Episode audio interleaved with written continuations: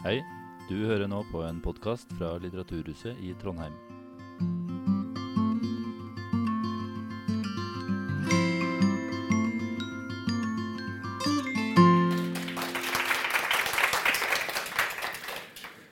Eh, god dag. Eh, mitt navn er Harry Arne Solberg. Eh, da ønsker dere velkommen til eh, dette møtet i Litteraturhuset i Trondheim på eh, Selland Rå kafé. Eh, bakgrunnen for dette møtet er den eh, saken som foregikk ja, i fjor og forfjor, egentlig, hvor Trondheim kommune, etter forslag fra den rød-grønne flertallet, vedtok å ikke gi skjenkebevilgning til Dreams Showbar. Det er kanskje mer presist å si de vedtok å frata, for de har jo hatt den før. Det er byens eneste strippeklubb, og det gjaldt da for perioden 2020 til 2023. Og I vedtaket så heter det at i Trondheim gis det ikke skjenkebevilgning til steder som har konsepter av typen stripping, erotisk dans, toppløs servering eller lignende. Konsepter som kobler denne type underholdning med alkoholsalg, kan virke belastende, diskriminerende eller skadelig på grupper man ønsker å beskytte, bl.a. ansatte og utøvere, barn og unge, andre næringsdrivende i området og kommunen, i kommunen for øvrig. På det nærmiljøet rundt skjenkestedet. Menneskeverd og likestilling. Eh, Det ble da begrunna med utgangspunkt i alkoholloven. Eh, det kom inn høringsuttalelser fra politi, eh, NHO, Næringsforeninga, Fellesforbundet, som alle var imot forslaget. da. Men samtidig så ble det støtta av statsforvalteren i Sør-Trøndelag. da. Og så vidt jeg vet, så har andre byer, da, Sandnes i Rogaland, også gjort lignende vedtak. Men så ble avgjørelsen anka, sånn at i 2021 så ble vedtaket omgjort av tingretten og som mente at kommunen hadde bygget vedtaket på utenforliggende hensyn, og som mangla forankring i alkoholpolitiske hensyn. Eh, det er da ikke av betydning om det er andre aktverdige formål, heter det. Eh, og de formulerte det på følgende måte.: Etter bevisførselen er det rettens inntrykk at det ikke er samfunnsmessige eller individuelle skadevirkninger av alkoholforbruk som har stått sentralt, men isteden anført ulemper av stripping de hensyn som bystyrets flertall har vektlagt i denne saken, altså likestillingshensyn, diskriminering, trakassering, utnytte mennesker i sårbar situasjon, menneskehandel og byens profil og omdømme, kan neppe i seg selv sies å være alkoholpolitisk begrunnet. Så det var altså rent, Spørsmålet var knytta til om det var si, rett eh, juridisk begrunnelse. da. Eh, nå skal ikke vi holde på, eh, altså Møtet skal ikke bare handle om det. Um, fordi at uh, Det er jo sånn i Norge at med jevne mellomrom så har det foregått diskusjoner knytta til jeg kaller det beslekta temaer, sånn som porno, prostitusjon, bl.a. Jeg husker for noen år siden det var diskusjon om sladding uh, for å ikke vise penetrering på bilder og på film, bl.a. Uh, Norge har jo historisk hatt en mer restriktiv lov enn f.eks. Danmark og uh, Sverige på dette området. Og For ikke lenge siden så hadde vi sexkjøploven, da, som i Norge ble jo vedtatt i 2009, hvor det var kriminalisert å kjøpe prostitusjon, men ikke kriminalisert å selge det. da. Det samme vedtaket ble gjort i Sverige ti år forut. da. Og så er det jo sånn, Hvis vi ser på historien, så det går en sånn politisk akse fra høyre til venstre side. Og det er vel riktig å si at venstresida i politikken har vært, vært mer sånn tilhengere av reguleringer, strenge reguleringer, forbud osv. Mens høyresida kanskje har mer sånn avslappa forhold til det, for å si det sånn. da. Uh, men så har det jo en uenighet. Det har jo gått også langs andre akser, f.eks. Uh, prostituerte, eller sexarbeidere, som de kaller seg, da, ønsker jo en uh, avkriminalisering av hele aktiviteten. da. I, I, motsetning til f.eks. Ottar-gruppen, som ønsker forbud av både det og kanskje det meste andre også. Så hva skal kalle det? Dette er en sånn oppsummering av, en lang oppsummering sånn, av innledninga. Men, men hoved, den røde tråden i dette er jo reguleringer i form av forbud eh, osv. Hva skal reguleres? Hvorfor skal det gjøre det? Hvordan skal det gjøre det? Og Forsamlinga som vi har her, er jo miks av to politikere og en eh, forsker som har jobba med det her i mange år. da. Uh, forskernes jobb er jo å lage utredning, analysere virkninger, konsekvenser osv. Men det er, som en eh, kollega av Agnes sier, uh, det politikere ønsker anbefalinger, men det, er, det må bygge på en, en si, Det er de som har ansvar for en sånn normativ perspektiv. altså Det bør gjøres, det bør gjøres osv. Og, så videre, og det bør ikke gjøres. Og, og så. så OK. Men nå til panelet, da. Vi har da Mona Berger, som eh, er byens varaordfører. Og, hva skal jeg si, Du var aktiv da, i den saken om å, å innføre det vedtaket om å forby, eh, forby skjenkebevilgning til eh, Dream strippebar. Eh, av utdanning er du sosionom eh, med spesialisering i rus og psykisk eh, helse. Og du har arbeidet med sosialt arbeid i Trondheim siden 2020. Så har vi Elin Maria Andreassen, som er kommunalråd og gruppeleder for Fremskrittspartiet, og som var uenig i det tiltaket, som da stemte mot det første forslaget. da. Og Sist, men ikke minst, så har vi Agnes Baalsø, professor emerita, kjent som, mest kjent som kjønnsforsker. Du har jobba med kjønn, seksualitet og makt, eh, analyse av det, og har det som forskningstema, enten det gjelder forhold til enkeltpersoner eller organisasjoner. Eh, du har skrevet om og debattert både om pornografi prostitusjon i en årrekke. da. Og du har bl.a. vært opptatt av maktaspektet, både i pornografi og prostitusjon. Og sist, men ikke minst, eh, så har du forsøkt å det vil si selv, nyansere debatten når den går, opp i, går i vante spor. da. OK. Eh, Mona. Da går utfordringa til deg. Hvorfor var det behov for denne reguleringa som dere gjennomførte når det gjaldt stripp, eh, strippebarn? Jo, vi, altså SV sin politikk, da, som, som er det som jeg representerer i denne saken her, vi, vi, Utgangspunktet vårt er jo at, uh, at stripping bør være forbudt. Um, det er det som, som vårt står i arbeidsprogrammet for, uh, for SV. Um, men eh, lokalt så driver vi jo ikke og utformer lovverk på den måten. Um, men det vi derimot eh, er med å påvirke politisk, det er skjenkebevilgninger. Uh, og når uh, vi fremma forslag om at vi ikke skulle gi skjenkebevilgning til Ikke konkret til Dreams, da, det tok aldri vi stilling til. Men at vi ikke skulle gi skjenkebevilgning til steder som hadde konsepter som stripping eller eller eh, toppløs servering eller erotisk dans, så handler jo det om at eh, skjenkebevilgninger eh, og alkohollovgivninga i så måte kan eh, har vi et ansvar for å regulere. Eh, og vi kan f.eks. Eh, si nei til skjenkebevilgning til uteplasser som er i nærheten av kirka. Det står liksom som eksempel i i eh, de, de, veiledningene som følger av loven. Da. Eh, man kan også si nei til skjenkebevilgning av hensyn til at det er mye barn og unge i et område.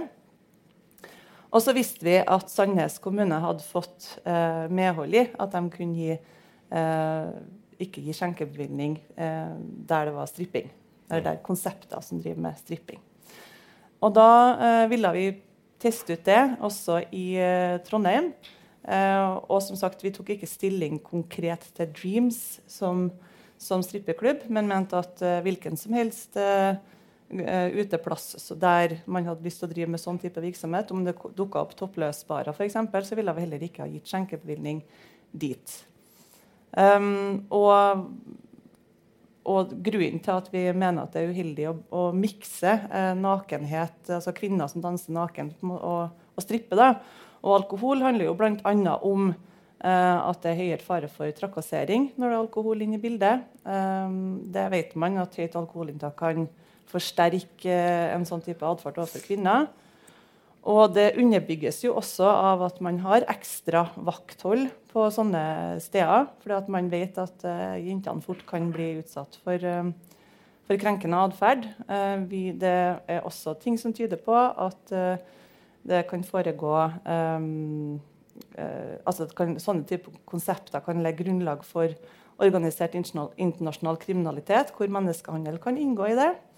Og det er, en, uh, det er et konsept som uh, legger til rette for kropp, og spesielt da kvinnekroppen som en salgsvare. Eh, og det mener vi er svært uheldig, og at det kan ha veldig negativ effekt da, på Eh, altså både dem som utøver det, og det kan også ha negativ effekt i forhold til, til barn og unge, som eh, fra før vokser opp i en, et samfunn der, eh, der det er ganske store forventninger og, til hvordan man skal se ut for å være attraktiv, f.eks.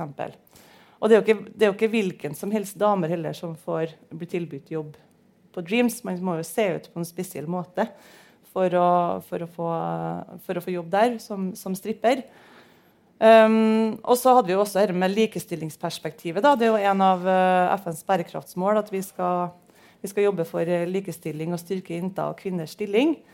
Um, og, um, og, at konsepter som kobler på en måte, denne type underholdning med alkoholsalg, er, kan virke diskriminerende og uh, belastende eller skadelig for likestillinga. Og at det derfor ikke er forenlig med en likestillingsprofil som, som Trondheim kommune ønsker å ha. da. Men eh, jeg må utfordre deg. Eh, hvorfor alkoholloven? Eh, hvorfor ikke like godt For det, det, høres jo ut det ikke det er stripping dere vil til livs. Hvorfor ikke forby det? Det høres ut litt som Nei, altså, SV ønsker å forby stripping. Det er ikke noe SV ønsker å forby stripping. Mm. Men, men, det er en sak for Stortinget. Mm. Det er ikke en sak for, for bystyret. Men det er ikke noe grunn til å legge skjul på det. Men underveis da, til et mål om at man kan komme dit at man forbyr eh, stripping, så er jo det å, å hvert fall fjerne alkoholserveringa i kombinasjon med stripping noe som kanskje kan være med å dempe noen av skadevirkningene. da. Men har dere noe, fått noe tilbakemelding om at eh, er mer eh, hva skal jeg si, verre alkoholbruk og mer fyll og den type ting på Dreams enn på andre steder da, i, i byen? Nei, som sagt, vi tok aldri stilling til lokale forhold på Dreams. Mm. Eh, for det er det jo eierskapsenheten som på en måte utfor, Det er dem som, som fratar skjenkebevilgning, eller ikke innvilger skjenkebevilgning. Vi, eh, vi, eh, er med å formulere hva som skal stå i skjenkebevilgningene. Det er det som er politiske, eh, det politiske ansvaret. da.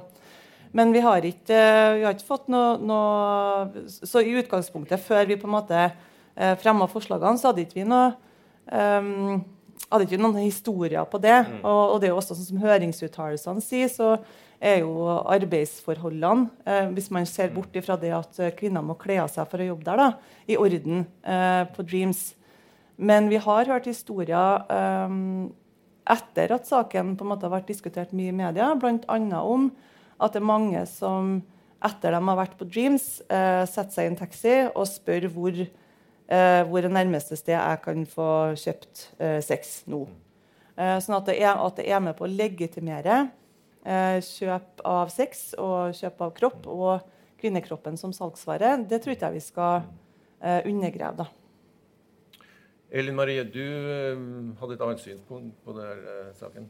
Ja, og Mona Berger har jo helt rett i at eh, vi, vi, vedtar jo ikke lovene eh, vi i Trondheim, men vi, vi, anvender dem jo. Det er jo egentlig det Eh, denne saken handler om òg. Eh, og for vår del, i det som ble Dreams-saken, men som egentlig handla om retningslinjer for skjenking i, Trondheim, eh, så eh, har jo på en måte vårt anliggende først og fremst vært det at en næringsaktør som eh, selger en lovlig vare, som alkohol er, eh, som tilbyr et lovlig konsept, som stripping er, skal få lov til å fortsette med drifta si. En drift som de på en måte uklanderlig har drevet gjennom mange år. Eh, og også som er et, et, eh, utested som har vært gjenstand for mye kontroll, og hvor man på en måte aldri har funnet noe, noe gærent i drifta. Eh, og vi mente jo også at det var feil bruk av, av alkoholloven å bruke den i et sånt tilfelle som, som ville ramme dem, da, fordi at de ikke lenger kunne fortsette med det konseptet som de hadde. Mm. Jeg, vil, jeg vil jo også si det, for så vidt. Vi, Eh, for jeg oppfatter jo at mye av denne debatten handler om å eh, beskytte eh, de damene som jobber som strippere. enten det er på Dreams eller på andre steder. jeg syns det er et stort paradoks at hvis noen i et tilfelle av dem ikke kunne eh, kombinere eh, skjenking av alkohol med stripping.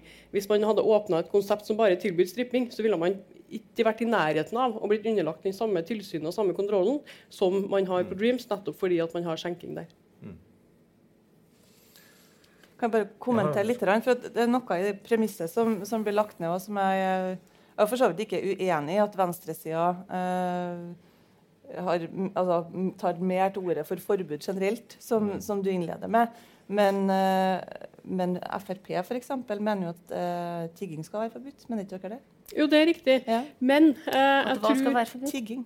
Men jeg tror vi på en måte må se på det helt grunnleggende her. At det går ikke an å drive organisert eh, kriminalitet gjennom tigging ved å ta tigginga bort fra gata. Du, måte, du, du, du flytter ikke uh, tigginga til et undergrunnsmiljø, da, for å kalle det sånn, uh, når hele konseptet er å sitte på gata og tigge. Uh, så jeg, så jeg syns ikke det går an å sammenligne de to, de to sakene, enten det gjelder stripping eller prostitusjon eller aktører som tilbyr pornografi, fordi at det vil kunne foregå lukka. Eh, men det kan ikke tigging gjøre. Så da setter man en effektiv bremse for, eh, for eh, kriminelle bakmenn ved å forby tigging. Det gjør man ikke ved å forby prostitusjon, pornografi, stripping. Ja. Men, men, når du hører på deg, Mona, så, så får jeg en sånn følelse av at eh, altså, alkoholloven ble brukt ikke for den, den, den passa egentlig ikke, men det var den mest tilgjengelige loven som man kunne bruke. Nei det, nei, det er ikke jeg enig med deg i. for det er jo det som jeg prøvde, prøvde å forklare i sted òg, at uh, miksen av uh, en naken kvinnekropp som byr seg fram, og alkohol, uh, øker når du, når du, kombinerer med alkohol, så øker du faren for krenkende atferd, trakassering, hvis, hvis alkoholen ikke er til stede. Så som sagt, på veien mot et samfunn som vi ønsker oss, der, der stripping ikke er lov, ikke er tillatt, Eh, så ville det være med å dempe noen av skadevirkningene. Eh, er vår vurdering, da. Og så er det jo et, også i tillegg sånn at eh, som du, som du, sier noe om i starten, at det er jo, det er jo et juridisk litt sånn uavklart område fortsatt. Fordi noen tingretter har eh, sagt at det, her, at det, er greit å bruke alkoholloven på den måten, på samme måte som man tar hensyn til andre ting med alkohollovgivninga. Man sier også som sagt, at man ikke kan skjenke alkohol i nærheten av en kirke eller i nærheten av en barneskole, eller der det foregår mye idrettsarrangement. Eller vi kan også si nei til skjenking i, i områder der det bor, er veldig tett bebodd, f.eks. Så skjenkelovgivninga brukes for å eh, harmonere eh, hvor er det skjenking hen, hen og, hvor, eh, og hva er det greit å kombinere det med. Så jeg er ikke enig i at det er på sida, og at vi bare brukte det for at det var det vi kunne bruke. Men det, det, det er alvorlig ment fra vår side at den kombinasjonen er uheldig. Da. Men du, du, ville brukt den, eller vil du det, hvis la oss si at det ligger helt i utkanten av Trondheim, et stykke fra, fra befolkninga? Vi, vi hadde Klubb 4 for noen år siden, og da valgte det jo Vauxhall eh, protester fordi den lå i bykjerna. Og så har de flytta ut av, eh, av bykjerna. da. Hvis det hadde ligget la oss si, i Klæbu, som jo er byg, byg, bygdedelen Nei, Det hadde ikke hatt noe betydning, det, nei. nei så du ville brukt uansett? Agnes, nå har du uh, sittet lenge. Nei, ja, nei, Hva tenker du om denne aktuelle saken? Uh, ja, Bruken av lovverket det er, stiller jeg meg pragmatisk til. Og jeg respekterer at uh, Trondheim kommune gjerne vil bruke skjenkebevilgninger uh, i en sånn politikk. Og hvis det ikke går an, så må man jo prøve å endre loven. Så jeg er egentlig så interessert i det med loven det interessante spørsmålet er jo om Trondheims befolkning vil ha uh, striptease på utestedene i, i, byen. Og Sjøl er jeg enig med Mona. Jeg liker absolutt ikke tanken på at kvinner får betalt for å kle av seg foran fullt påkledde menn som blir fullere og fullere. Liker det ikke. Og liker heller ikke å se Dreams uh, sykle rundt i byen med sånn sykkelreklame. Sånne svære skilt som de har for kjørt med. Uh, for å reklamere uh, utpå natta for at folk skal komme til stedet. Og hvis det er noe en ting som er slått fast i forskning, så er det jo at uh, folk som er fulle og blir pågående og sinte, de blir enda mer pågående og sinte enn de er til vanlig.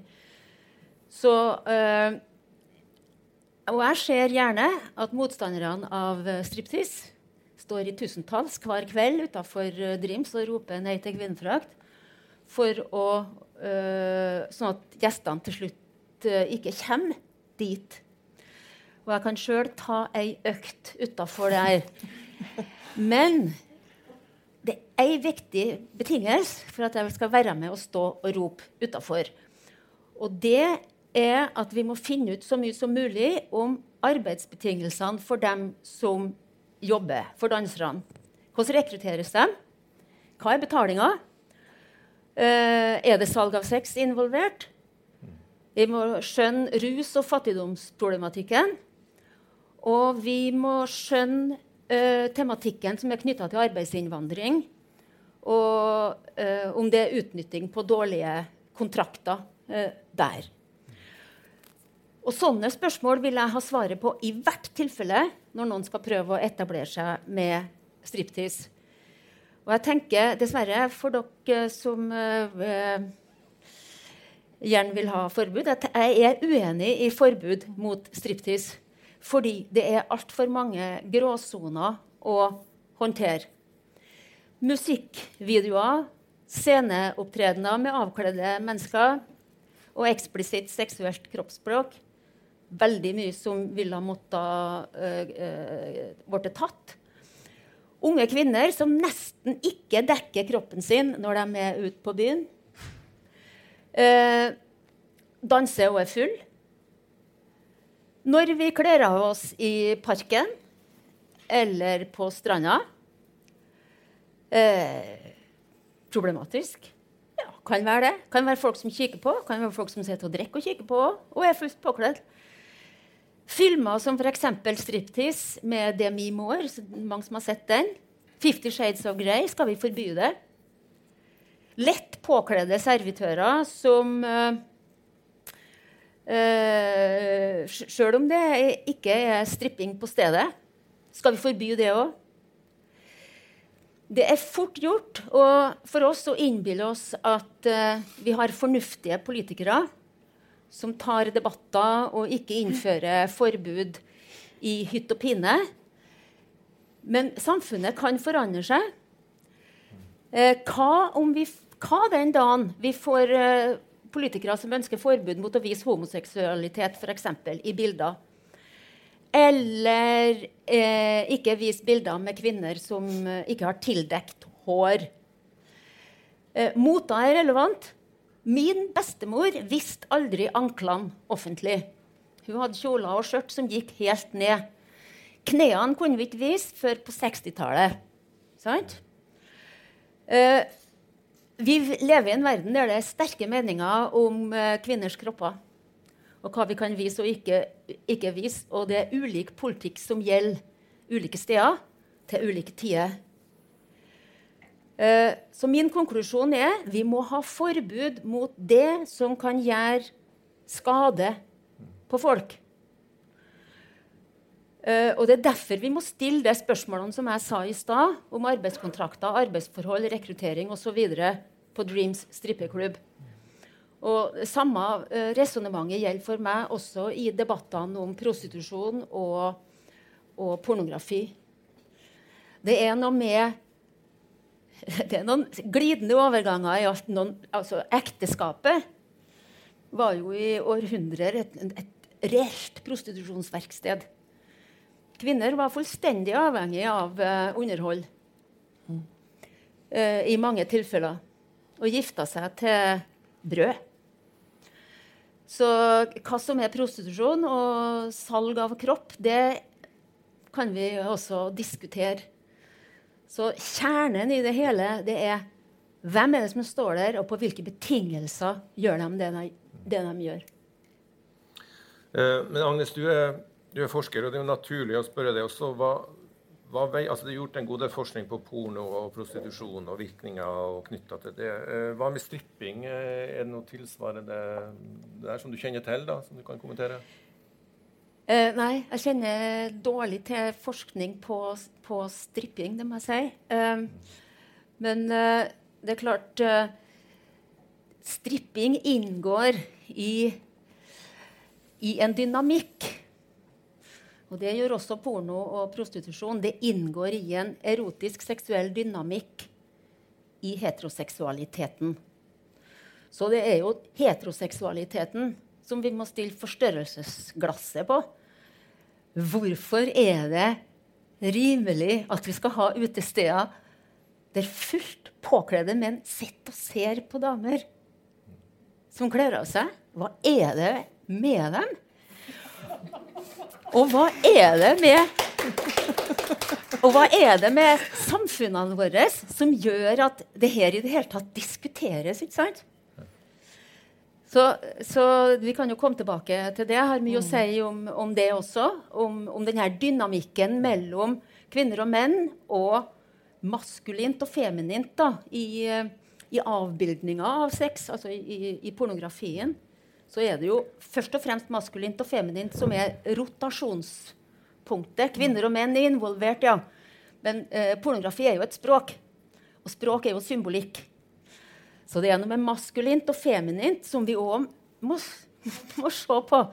Så eh, mitt eh, spor å forfølge, det går dit. Men da brenner jeg med ett stikkord etter den innledninga di der, nemlig 'Chippendates'. Ja. Det, det, er jo mye mer stuereint enn en, eh, det vi har snakket om nå. Ja, det er det. Hvorfor det? Jo. Og det Spørsmålet går ikke bare til deg, men også til politikerne. Altså. Hvorfor, eh, jeg, vi har sett denne serien på NRK, da, og det sitter 500 stormkåte Hvorfor ser de sånn ut, stormkåte damer, og heier på dem. Ja. Det er politisk korrekt. Det, er liksom ikke, i hvert fall, det skaper ikke de bruduljene som motsatt vei. Men da hørte du også hva de sa, stripperne. De hadde trening, de hadde koreografi, de hadde en bestemt eh, karakter som de, eh, som de eh, viste. Eh, og når du så forestillinga, så hadde eh, stripperne, de mannlige stripperne full kontroll. Når de kommer med store peniser i, for, først mot publikum, mm. så er det faktisk den mannlige stripperen som, som har makta. Fortsatt. Sjøl om kvinnfolkene sitter og hyler litt brisen og har gått ut uh, i en venninnegjeng og har det veldig artig og vil gjerne ligge med stripperne, mm. så er det her en bransje som er drevet av lystne strippere som fikk og det, det var jo tydelig i den uh, dokumentaren. De fikk ubegrensa adgang på, på kvinner. Og mye dop, mye festing, og var en som sa det var hardt å pensjonere seg. Det var et bra liv. Jeg skulle ha gjort alt akkurat likeens en gang til. hvis en har fått sjansen.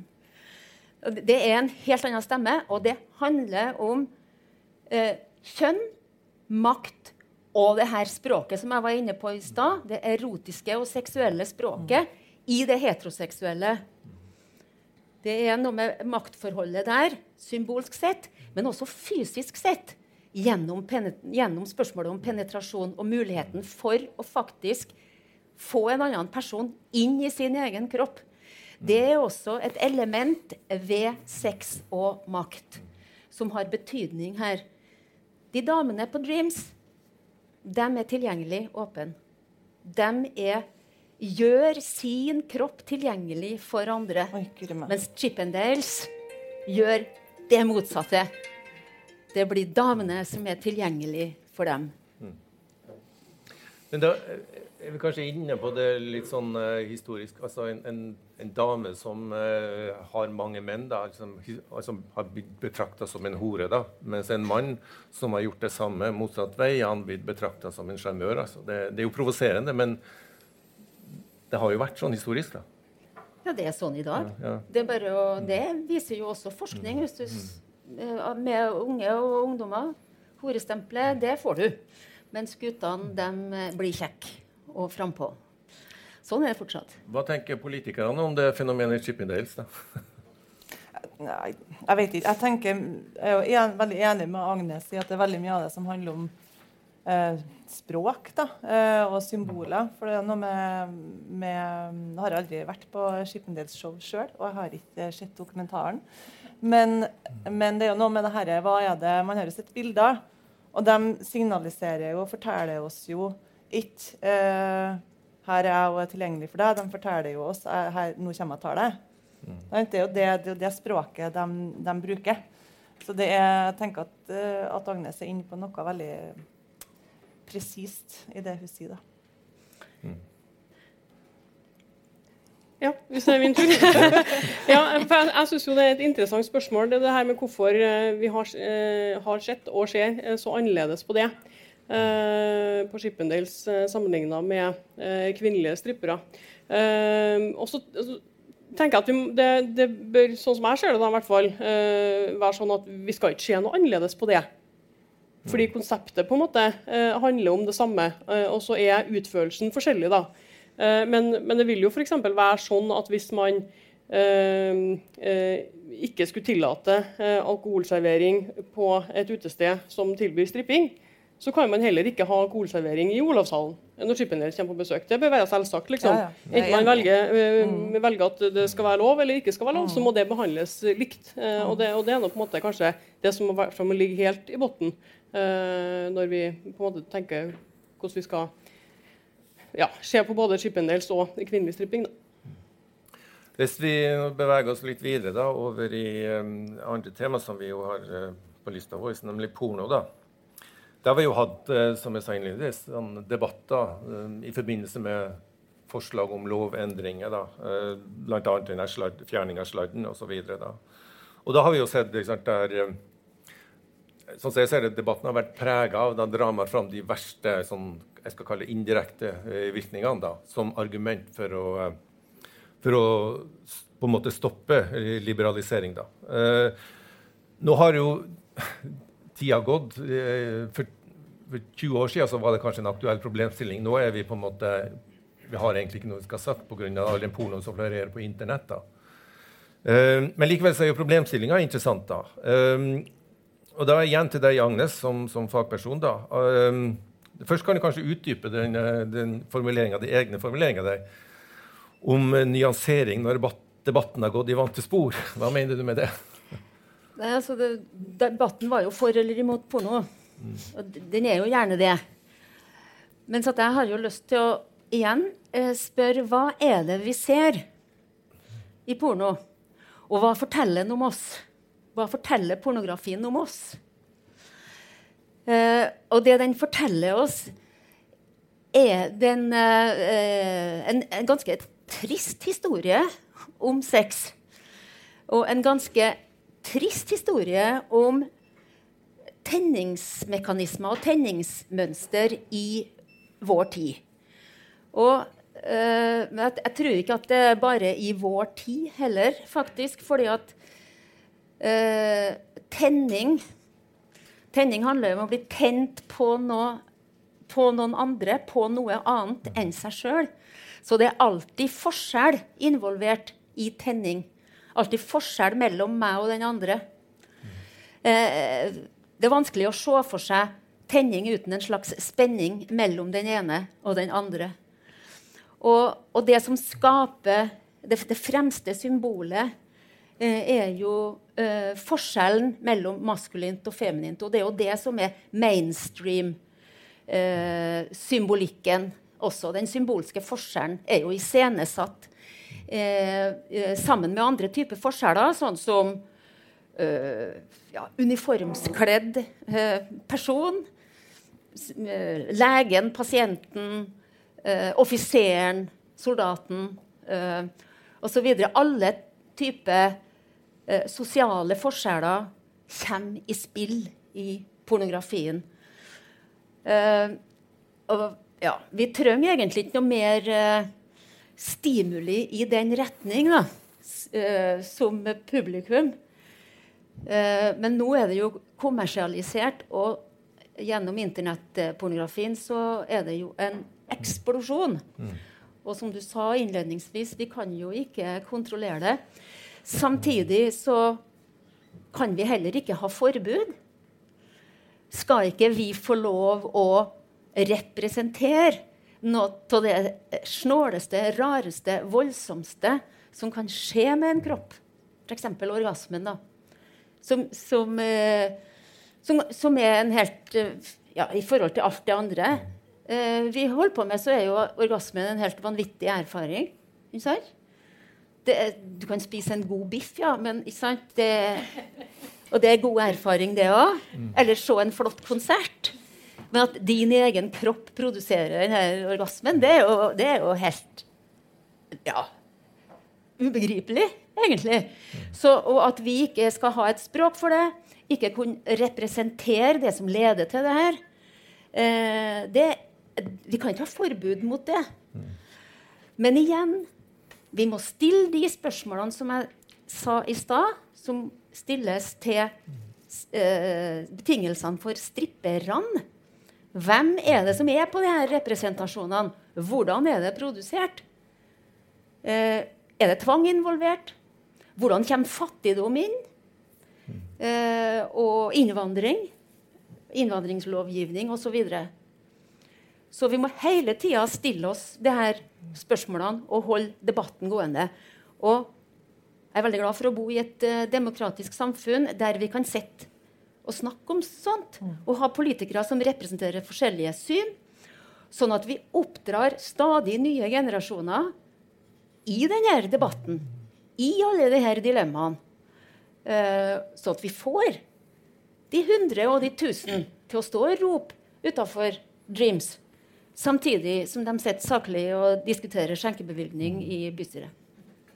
Jeg, eh, hvis jeg kan kommentere litt på det. for at, at jeg er nok mest opptatt av hva er det måte, det hyperseksualiserte samfunnet vi har, på mange måter, og pornoen, hva, hvordan er det påvirker de oppvoksende slekta? Da, hvordan påvirker det barn, barn og unge? Eh, og der Vi har jo nå fått et uh, forbud for mot retusjert reklame, som er på en måte på sida av, men likevel er, handler om det samme. For det handler om hvordan er det eh, kvinnekroppen spesielt da, framstilles.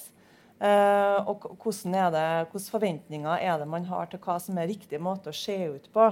Og alt hva det gjør med eh, selvbildet til, til, dem som vokser opp i dag. Og også når de da skal begi seg inn i, i, den verden der de skal begynne å ha sex selv, så er jo måten det framstilles på ikke sant? Det er jo lett tilgjengelig for ungdommene i dag. Porno, Masse ulik porno er kjempelett tilgjengelig. Eh, hvordan er det eh, kvinnekroppen ser ut, og hva slags forventninger er det de får til hva som er riktig måte å se ut på, det er kanskje like skadelig som på en måte pornoen i seg selv. fordi at eh, det skal veldig mye til da, å passe inn i det, det, idealbildet. Det er få av oss som ser sånn ut. Uh, og det å få ha et normalisert forhold til uh, både egen kropp og også egen seksualitet, og utvikle en sunn form for seksualitet uh, vi, vi, bør snakke mye mer om seksuell helse, tenker jeg. og hva, hva, egentlig det innebærer, og hvordan det henger sammen med andre strukturer i samfunnet. der mener jeg pornoen spiller en, en, en, veldig uheldig rolle i veldig mange sammenhenger. Da. Spesielt fordi at man også hører ungdommer rapportere om at det er veldig lett å komme over. Eh, komme over også porno der, der, menn kontrollerer og dominerer kvinner, og at det er sånn sex blir framstilt. da. Um, at det er lett å finne fram til porno som inneholder både krenkelse og aggressiv atferd. Og at det også er uh, ganske vanlig å, å, å, lage fremstilling av at det her er noe som man skal like. Eh, men i tillegg også eh, framstilles det eh, seksuelle handlinger uten samtykke eh, på det man ser. Da. Så det er, det er, ganske sammensatt, da, det her, å, å strekke seg over et ganske sånn vidt, et, et vidt felt. Um, men der jeg i hvert fall for min del tenker mest, mest, opptatt av og mest engasjert i hvert fall politisk, hva, slags ansvar vi har for å prøve å beskytte barn og unge som vokser opp i det her samfunnet, mot de virkningene det kan ha. da. Og Det tror jeg kanskje er noe av det viktigste også. fordi vet, altså Vi vet ingenting om eh, de virkningene det har. Eh, og vi eh, er kanskje også vet ikke hva vi skal si, rådville eller hjelpeløse med tanke på å forhindre at det skjer. fordi at det så lett tilgjengelig nå har blitt på, på internett og sosiale, sosiale medier. Og, og, det er vanskelig å styre. Det er på en måte mer noe som må si, styres i familien. Men det er jo vanskelig å kontrollere hva 13-14-åringer eh, gjør på, på, telefonen sin også, eh, eller, eh, eller hjem på, på, på, rommet, eller hva det skulle være. Og så nevnte du eh, kvinnekroppen i denne sammenhengen, men jeg tror også det er veldig viktig at vi er oppmerksom på hva eh, tenåringsgutter eh, mm. oppfatter ut av det her. så ikke vi, så ikke vi glemmer det oppi det hele. men når det gjelder sånn pornografien i seg sjøl. Uh, jeg tenkte jo når Agnes snakka at jeg har jo, jeg hatt Agnes som foreleser, uh, og det slår meg at det var litt for kort. men, men, men, så tenker jeg at de betingelsene som Agnes trekker opp, både når det handler om Dreams og dem som jobber der, og når det handler om porno, porno er viktig. fordi at hvis det er på en måte frivillig aktivitet mellom voksne mennesker der det er ordna arbeidsforhold eh, og alt er i orden og greit, eh, så må man egentlig eh, sette et veldig stort spørsmålstegn ved om man skal forby det da. For det, for det handler litt om hvordan man, eller handler mest om vil jeg si, hvordan man griper inn i voksne menneskers liv. og Hvordan man velger å leve og hva man velger å bruke, bruke livet sitt på. Men den, det store spørsmålet er på en måte, som vi kommer tilbake til, som Mona snakka om, hvordan påvirker det her ungdommene våre. Eh, eh, det ene er jo selvfølgelig med seksualiteten deres. Eh, og Hvordan den utvikler seg, hva slags syn de får på det, men også hva slags syn de får på sin egen kropp, og hva som er kroppsidealet, og hvordan det påvirkes. Ja, men det er liksom tilbake til deg, Agnes. Det med, hva vet igjen som forsker da, hva vet vi om virkninga av porno? Altså, jeg tenker, Det må jo være en, en hvis vi skal forby ting, eh, regulere strengt, så må det jo de virkningene altså, Det holder ikke å si at ja, det kan være noen sånn indirekte virkninger, eh, men vi er usikre på det. Men det, skal vi gå drastisk til verk og forby ting, så må det være liksom alvorlige konsekvenser. Da. Hva vet vi om, uh, om, hvordan porno virker på oss på sikt osv.? På ungdom og, og sånn? Det vet vi veldig lite om. og det er Forskninga på det er non conclusive. altså Det går ikke an å konkludere noe entydig om hvordan det virker. Og det er jo gjort ganske store, store prosjekt på å prøve å finne ut effekten av det. Men uh, hvis vi tenker ut fra logikken til reklamebransjen, da, den er jo svær. Og det er, det er klart Vi lar oss påvirke av reklamebransjen. så skulle, Hvorfor skulle vi ikke la oss påvirke av det her. Og jeg er opptatt av tenningsmønsteret til folk. da.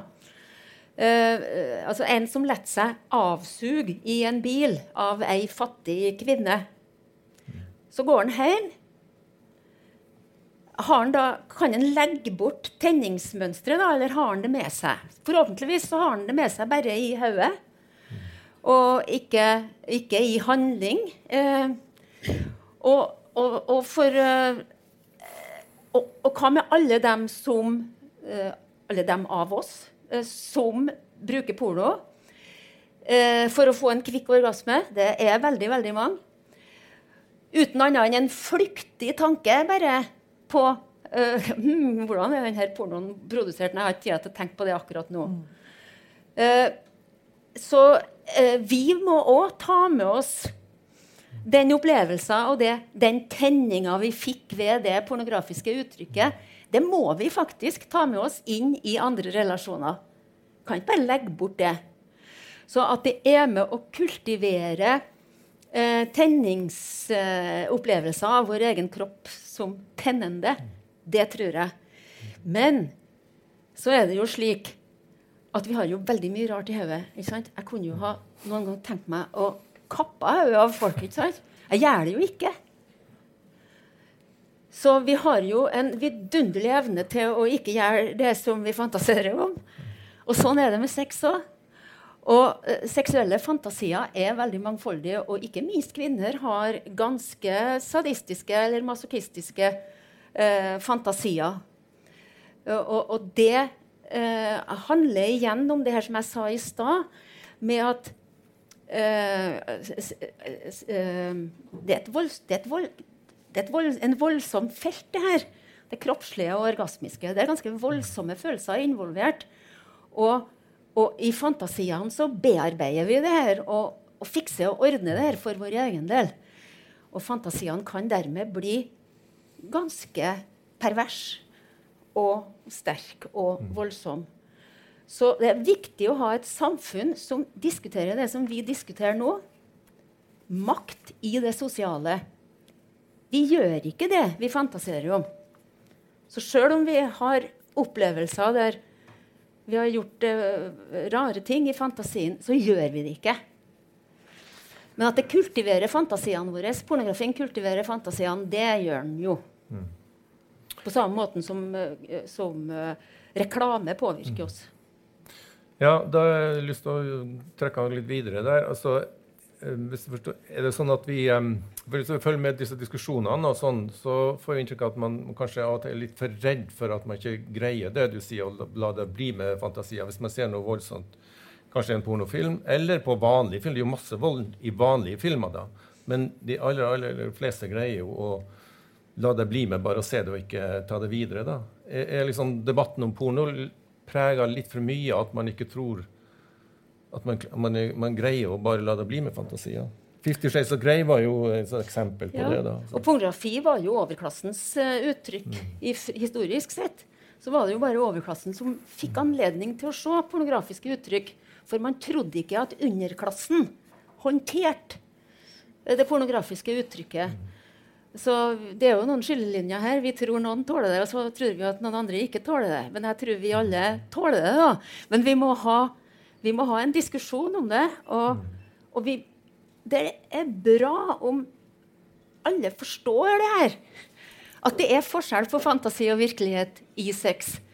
Og at jeg elsker seksuelle fantasier. Dem vil jeg veldig gjerne ha, og vil veldig gjerne høre andres. Og både lese og se andres. Gjerne. Men eh, vi må ha en diskusjon om hva det betyr. Eh, hva fantasier betyr, og hva våre handlinger betyr. Og, så, og få en bevissthet også blant den yngre generasjonen. Så skal vi kanskje, hvis vi klarer det Det krever jo ganske mye av foreldre og lærere. De bør jo komme på sånne møter og diskutere det her. Det der tror jeg er utrolig viktig at du sier. Eh, og, og, jeg tenker også at det er veldig viktig at, at, du sitter her og snakker om det sånn som du gjør det. Eh, med at du vil gjerne høre om andres fantasier og du vil lese om det. Eh, fordi at det som jeg tror er noe av det viktigste at vi husker på når vi samtidig snakker om at hvordan påvirker den pornoen her ungdommene våre, eh, det er at de aldri skal skjemmes av det. Uh, for de, de, vil lese det, de vil se det, de tenner på det, de merker at det skjer ting i kroppen. Uh, og det må aldri være voksne folk tenker jeg, som forteller at det er noe å skjemmes av. Det må heller snakkes om, sånn at man forstår det, og hvordan, forstår hvordan det påvirker seg og sitt syn på, på kropp og seksualitet. Det tror jeg er viktig. Vi må berøre det siste temaet som vi på en måte har på lista vår, nemlig prostitusjon, som jo er beslekta. Vi har jo innført en ja, heter den sexkjøploven, i hvert fall omtalt som det i 2009, som kriminaliserte kjøp, men da ikke salg. Og svenskene var ti år før oss. det Der eh, Der er det også gjort en del forskning om, om, om virkninger. da, og det, og det, er jo ulike oppfatning, eh, som jeg sa innledningsvis. Eh, noen mener at eh, alt skal forbys, mens eh, de prostituerte eller sexarbeidere eh, har inntrykk av at vil jo at det ikke skal forbys. da. Hva viser forskning om erfaring av det? både i Svenskene har jo lengre erfaring enn vi i Norge, men vi har jo hatt det over ti år nå i Norge. Hva, hva viser forskninga der?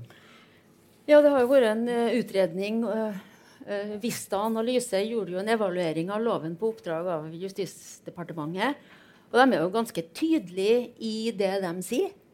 De mm. konkluderer med at sexkjøploven har bidratt til mindre prostitusjon, færre prostituerte færre bakmenn, et redusert tilbud og lavere etterspørsel. Mm. Så det er ganske tydelige konklusjoner. Uh, og uh, det er en, det er en uh, grundig rapport, så vidt jeg kan, kan se. Men den er jo men Når Foreninga for sexarbeidere sin interesseorganisasjon la oss en, uh, uttale seg, så er det jo fra et annet ståsted. Mm. De snakker jo på vegne av sexarbeidere sjøl. Mm. De, uh, de, tar sexarbeiderens For det er jo fortsatt sexarbeidere i Norge. Mm. Hovedsakelig uh, fra Afrika og, og Øst-Europa. De, de, utgjør i dag tyngden. De norske ble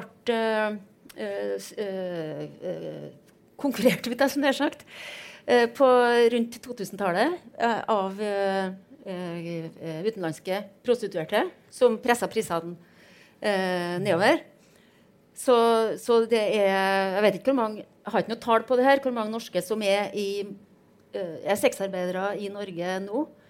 Men i rapporten så slås det fast at det domineres av Afri folk fra Afrika og, med opprinnelse i Afrika og i Øst-Europa.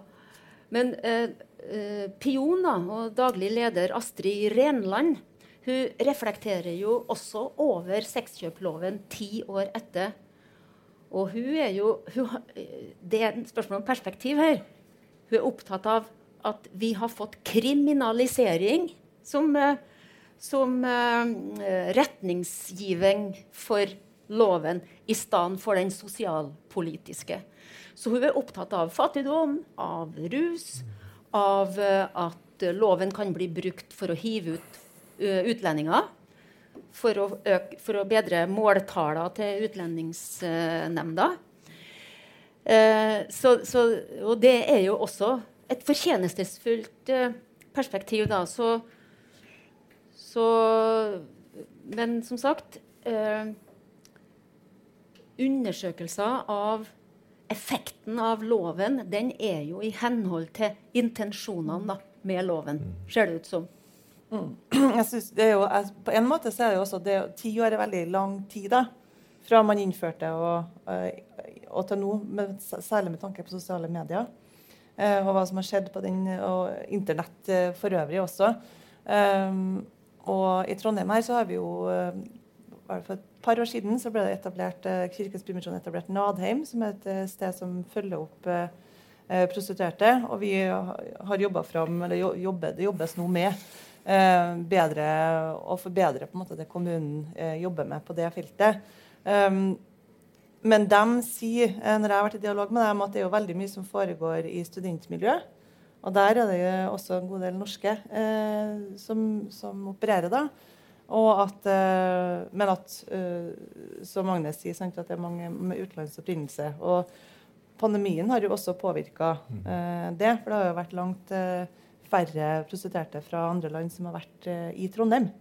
og de prostituerte vi har hatt i Norge, har også liksom vagabondert litt i de ulike byene alt ettersom hva, slags smittesituasjonen har vært. Um, men det er, jeg synes det blir, blir, spennende også å følge det der videre, fordi at um, også prostitusjonen uh, endrer seg jo. Uh, og hvordan det på en måte Kanskje flytter det på seg. Og, og, og vi må på en måte følge med sånn at vi ikke mister mister det av øyet, da, eh, tenker jeg. Ja. Det har jo vært hevda fra forskning bl.a. fra San Francisco, hvor de liksom, de opererer med tre nivåer. Du har liksom middelklassedamer som tjener veldig godt på det her. Og så har du det de kaller for streetwalkers. Og så har du laveste nivået narkomane. da. Og det som har skjedd, Og også har jeg hørt fra Sverige, da, eh, at eh, man har på en måte flytta prostitusjon altså fra gata og så på internett. Eh, sånn at kan man, kan man, hvor godt kan man vite disse forskninga? Altså? For det er, jo, det er, jo, skjulte data som kanskje kan være vanskelig å få tak i. Da. Den rapporten hevder at eh, det ikke har flytta seg noe mer inn enn det var. Da. Mm. At det ikke har ikke foregått en sånn, sånn uh, forflytning. Men det, med Internett det, så har det jo også oppstått flere grensefenomen. Uh, F.eks. at du kan selge som, som grensefenomen mellom pornografi og prostitusjon. Når du er på rommet ditt og har et kamera og selger eh, til en bestemt kjøper, hva selger du da? Selger du kroppen din, eller selger du et bilde av kroppen din? Eh, er det prostitusjon, eller er det pornografi som foregår i en sånn, eh, sånn relasjon? Så der er det nok eh, er det nok veldig store mørketall. Mm. Og ellers, sånn som Mona og sier, veldig store mørketall. Men jeg har lyst til å si det med at altså det med forsørgelse At kvinner til i lenge har mottatt forsørgelse i ekteskap og i ekteskapslignende relasjoner. En strømregning her, f.eks og kommunale avgifter. Det mot et uh, ligg. Ja, det tror jeg det er veldig mange som har gjort, faktisk. Uten var, at det er definert som prostitusjon. Jeg må dessverre avbryte det, for det, det, vi kunne sikkert fortsatt det her diskusjonen veldig lenge. Men det var dit vi kom i dag. Um, vi har berørt flere temaer da, og kasta opp en del baller i lufta. Det å ta en oppsummering, det, det våger vi ikke på. Så jeg sier takk til debattantene, eller paneldeltakerne, og til publikum. That's it for today.